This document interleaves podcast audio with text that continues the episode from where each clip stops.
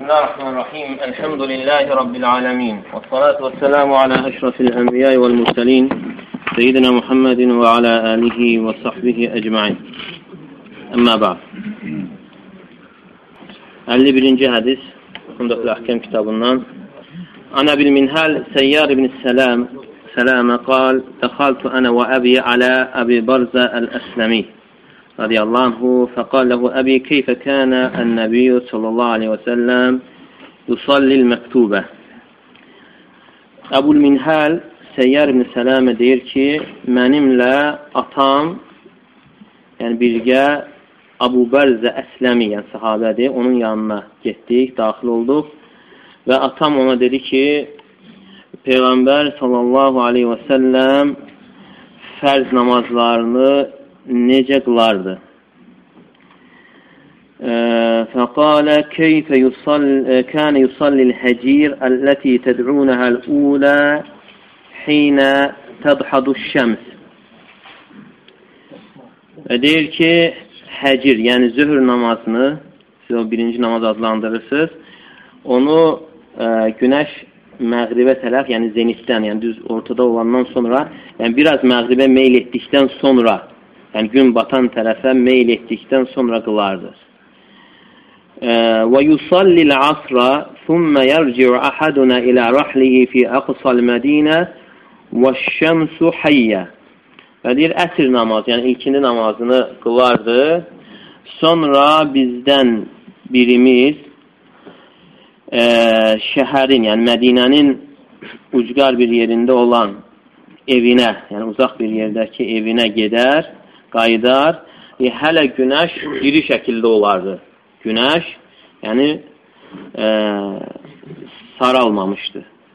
Və nəsitu mə qalə fil məğrib və deyir ki, məğrib haqqında, yəni axşam namazı haqqında nə dediyini unutdum.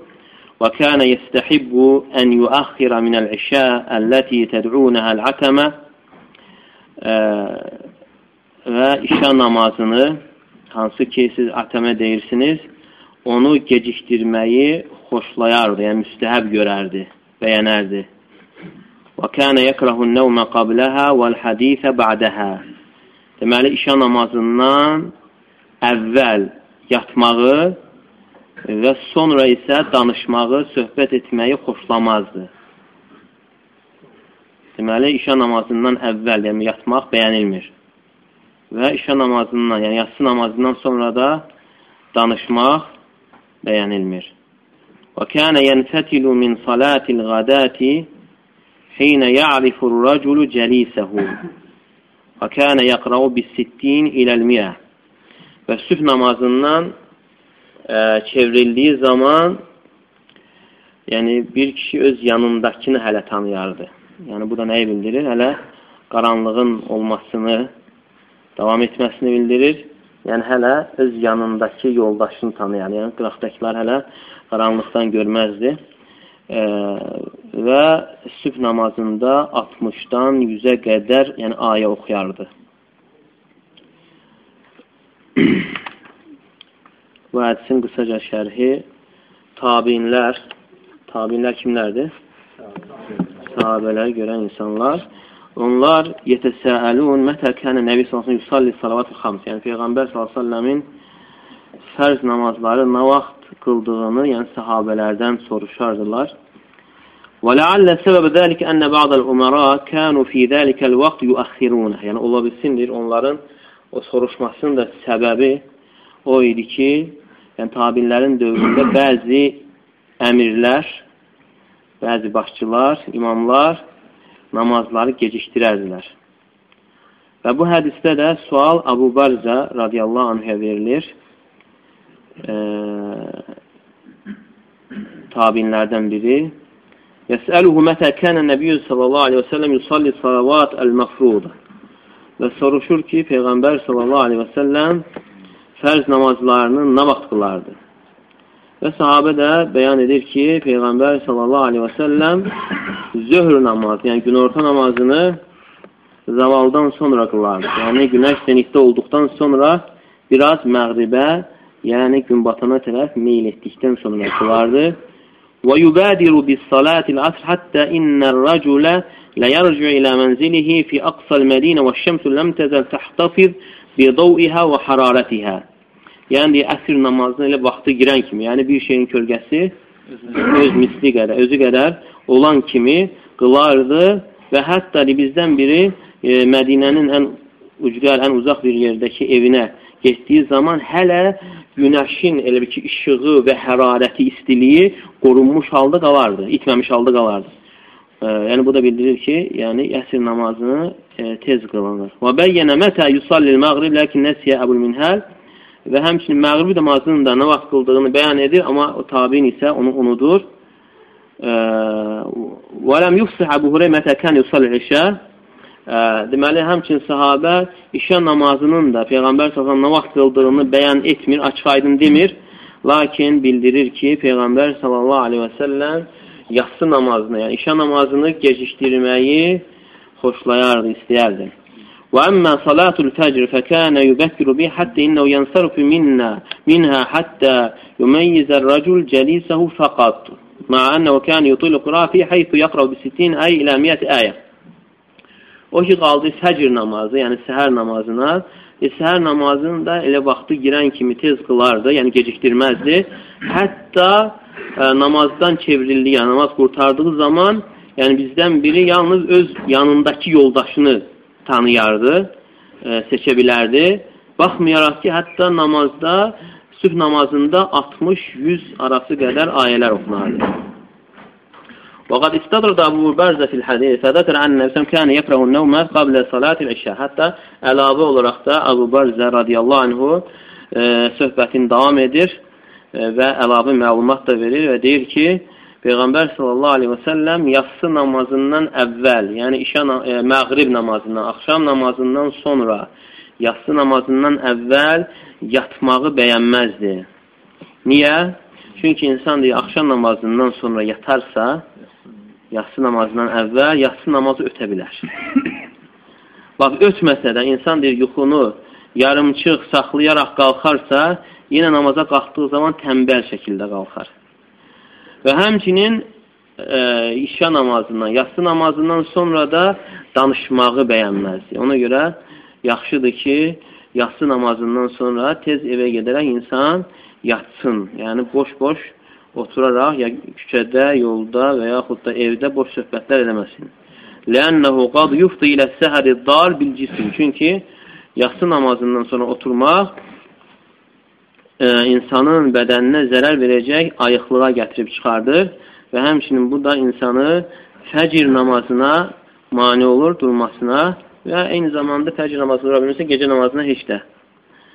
Bu hədisdən alınan faydalar Hirsus sələf əs-salih alə ma'rifətü sünnə min əcli ittiba'ihə. Deməli, sələflərin, sələf-i salih, yəni keçmiş salih insanların, tabinlərin, ə, Peyğəmbər sallallahu aleyhi və səlləmin sünnəsini öyrənməyə olan hərisliyi ona tabi olmaq üçün. Yəni, fikir verin, insanlar nə öyrənirlər?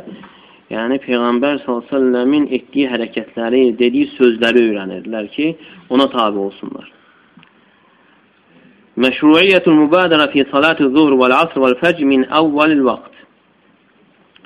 Deməli, zöhr namazıdır, əsr namazıdır və fəcr namazıdır və eyni zamanda hətta məğrib namazı da ilk vaxtında qılmağa tələsmək.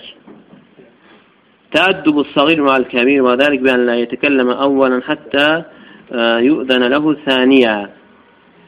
Və həmçinin faydalardan bu hədisdən alınan deyir ki, balacanın böyüklə yanaşırkən onun ədəbli olması, e, yəni ona izin verilmədikcə ə, danışmaması, yəni birinci böyük insan danışmalı, sonra izin verilərsə ikinci o danışa bilər. Bu hardan çıxarıldı? Mənimlə atam getdi, yəni atam soruşdu deyir. Musara'atul məsul bil cavab in kana aliman bil cavab. Əgər soruşulan insan cavabı bilirsə, cavabı verməyə tələsməsi, yəni tez cavablandırması توقيت الحوادث بالأفعال أو وقت معلوم عادة قديمة عند العرب Deməli, hadisələri hadisələri feillə və yaxud da bəlli bir vaxtla e, təyin etmək bu deyə ərəblərdə qədimdən olan bir adət idi. Yəni o vaxt işə namazına ətəmə deyirlər. Ətəmədə yəni e, gecənin zülməsinə deyilir. Gecənin zülmətinə. Nisyanu ravli cüz minəl hədis leysə hüccə li raddil hədisi bi cümlətihi Yəni ravinin hədisin bir hissəsini unutması hədisin bütövlüklə rədd olunmasına bir bəhanə və yaxud da dəlil deyildir. Və həmçinin faydalardan kərahətün nom qabləl-işə vəl-hədis ba'dəhə yatsı namazından əvvəl yatmağın və yatsı namazından sonra danışmağın məkruh olması, bəyənilməməsi və la yədxulu fi zəlik müzakirətul ilm amma bura daxil deyildir. Yəni insanın elm öyrənməsi, elmi müzakirə etməsi və yaxud da müsəlmanların məsləhəti ilə məşğul olması bura dair, aid deyildir. Amma bundan başqa belə e, boş danışıqlar, boş söhbətlər hamısı bura aiddir. Yəni o bəyənilmir, məkruhdur, hətta günaha da gətirib çıxardır. Və həmçinin faydalardan əl-kərahiyyətu fi istilahil qudəmə e, yuqsadu bihə təhrim. Yəni keçmiş insanların ə, e, sözlərində keçən məkruh, məkruh sözü, kərah, kərahə sözü, yəni haramlıq, haramlığı qəsd edirlər yəni keçmiş alimlər çox vaxt məhkruh deyildiyi zaman nəzərdə tutduqları nədir? Haramdır. Bəyan li miqdar qiraətir Rasul sallallahu fi salatil fəcr və həmçinin burada faydalardan yəni Peyğəmbər sallallahu fəcr namazında nə qədər, yəni neçə ayə oxumasının o miqdarın bəyanı, yəni 60 ilə 100 arası oxuyardı. Və həmçinin faydalardan fi təqidi əl-məktubət bil-məzkurat dəlil aləl-vitr leysə bi-məktub, ey vacib xilafən il-hənəfiyyə. Və bu hədisdə keçən yəni Peyğəmbər s.ə.v məktubə, məktubə nədir? Fərz namazlarını necə qılardı sözü onu bildirir ki, yəni ondan başqaları fərz deyildir. Yəni vitir fərz deyildir. Yəni vitir, vitir namazı vacib deyildir. Bu da hənəfilərə ə, əks olaraq, yəni hənəfilər vitr namazını vacib görürlər. Amma səhih olan odur ki, vitr namazı da vacib deyil, vacib namazlar 5-dir. E, vitr namazı sadəcə güclü, müəkkəd sünnədir, güclü sünnə sayılır. أن الإمام ينصرف عن القبلة لمواجهة المصلين فلا يبقى معطي فلا يبقى معطي ظهره إلى الناس. Həmçinin faydalardan deməli imam namazı qurtardıqdan sonra insanlara tərəf çevrilir yəni e, arxasını, belini insanlara tərəf saxlamır. Deməli, çevrilir. Deməli, sünnə odur ki, namazdan sonra çevrilmək insanlara tərəf. Hədəl insiraf yakunu ba'da vaxtin yakunu fi zikr səbətə bis sünnə. Yəni, həmçinin faydalardan yəni, bu çevrilmək nə vaxt olur? Yəni, sünnədə gələn o bəlli zikri etdikdən sonra. İstiğfardan və yaxud da sübhlə axşamda 10 dəfə La ilahə illallah vəhdəhu la şərikə dedikdən sonra. Və həmçinin faydalardan hədü Nəbi sallallahu aleyhi və səlləm ədəu salavat fi məvaqitə dunə təxir illə müstüsniyə. Və Peyğəmbər sallallahu aleyhi və səlləmin yolu, hədiyi, sünnəsi, namazları vaxtında, yəni ilk vaxtında gecikdirmədən qılmaqdır istisna olunandan başqa. İstisna olunan hansıdır? İşə namazı, yatsı namazıdır. Həmçinin faydalardan istihbəb təxil işə və şartı zəlikəl cəma' və ma'dur ən huduril cəmaa. Deməli, işə namazı, işə namazını gecikdirməyin müstəhəb olması şərt odur ki, cəmaatlıqla olmalıdır. Yəni, insan tək başına yox. Yəni, gecikdirmək necə olmalıdır? Cəmaatlıqla birgə olmalıdır. Və yaxud da ki, yəni, cəmaata e, gəlməsinə üzrü olan bir insan o da gecikdirə bilər. Yəni, xəstəliyinə görə o insan da gecikdirə bilir.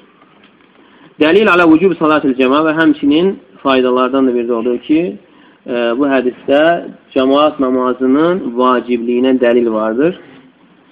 ذكر العلماء حكما في النهي عن حديث بعد صلاة العشاء منها لئلا ينام عن صلاة الليل أو تذهب عنه صلاة الفجر جماعة أو خشية الوقوع في اللغط واللغب وما لا ينبغي ən yuxtəmə bi fil yaqada və qilə qeyri zəlik.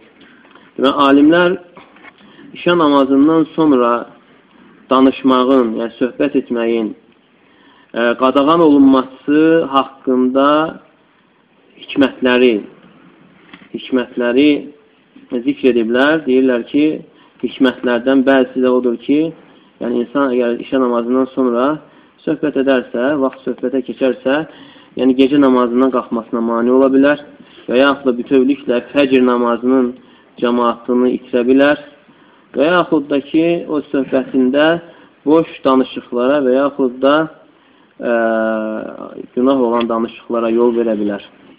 Ona görə bu kimi Hə. Görə dəyişən qədərsən var, onda bir dəlil. Fəslə görə qışda misal üçün gecə qozunca, yayda gedəkdir. E, yenə, yenə fərqi yoxdur. Yəni hökm eyni olaraq qalır və ona görə əgər məsləhət varsa, məsləhət yəni yalnız elmi müzakirədirsə və yaxud da ümumi bir məsləhət varsa və həmçinin yəni insanın öz həyat yoldaşı ilə yəni ünsiyyət etməsi, yəni bu da yəni icazəli danışıqların içərisinə daxildir və ondan qeyrisi isə ümumiyyətlə boş danışıqlar yəni bəyənilmir və xüsusilə də belə. Çünki e, alimlər zikr edir ki, işə namazından sonra yəni tez yatmaq elə bil ki, e, həmən vaxtı bir saat elə bil ki, sonraki gecənin axır vaxtı iki saatını əvəz edir. Yəni o, o, o dərəcədə yaxşıdır. Nə qədər tez yatmaq, ona görə kimdir yəni faydalanmağa istəyirsə elmdən, yəni tez yatıb belə səhərə yaxın sübhdən 1 saat, 2 saat əvvəl durub faydalana bilər. Necə? Nə? İşə namazından sonra. Yəni, elə yaxşıdır ki, Quran hansı ki, virdləri oxuya bilərsən. Təbarək surəsidir və səcdədir, hansı gələnlər. Amma əlavə yenə məsləhət deyil, onu da yenə qalxıb oxumağa məsləhətdir.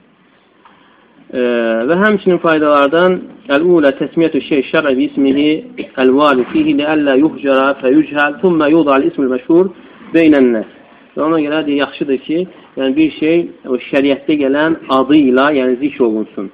Çünki Peyğəmbər s.ə.v işə namazına atəmə deməsini bəyənməzdi. Ona görə necə gəlibsə, işə, işə adlanması məsləhətdir. Niyə görə? Çünki əgər o şəriətdə gələn adı e, verilməsə, sonra insanlar arasında bəlli bir adla çağırılarsa, sonra nə ola bilər? Əsl adı unudula bilər. Ona görə yəni yaxşıdır ki, belə e, terminlər, xüsusən də şəri terminlər olduğu kimi yəni zikr olunsun, deyilsin və sonra unudulmasın. Və yerinə sonra başqa əlavələr, yəni bidətlər gəlməsin. İxlasla.com saytı tərəfindən təqdim olundu.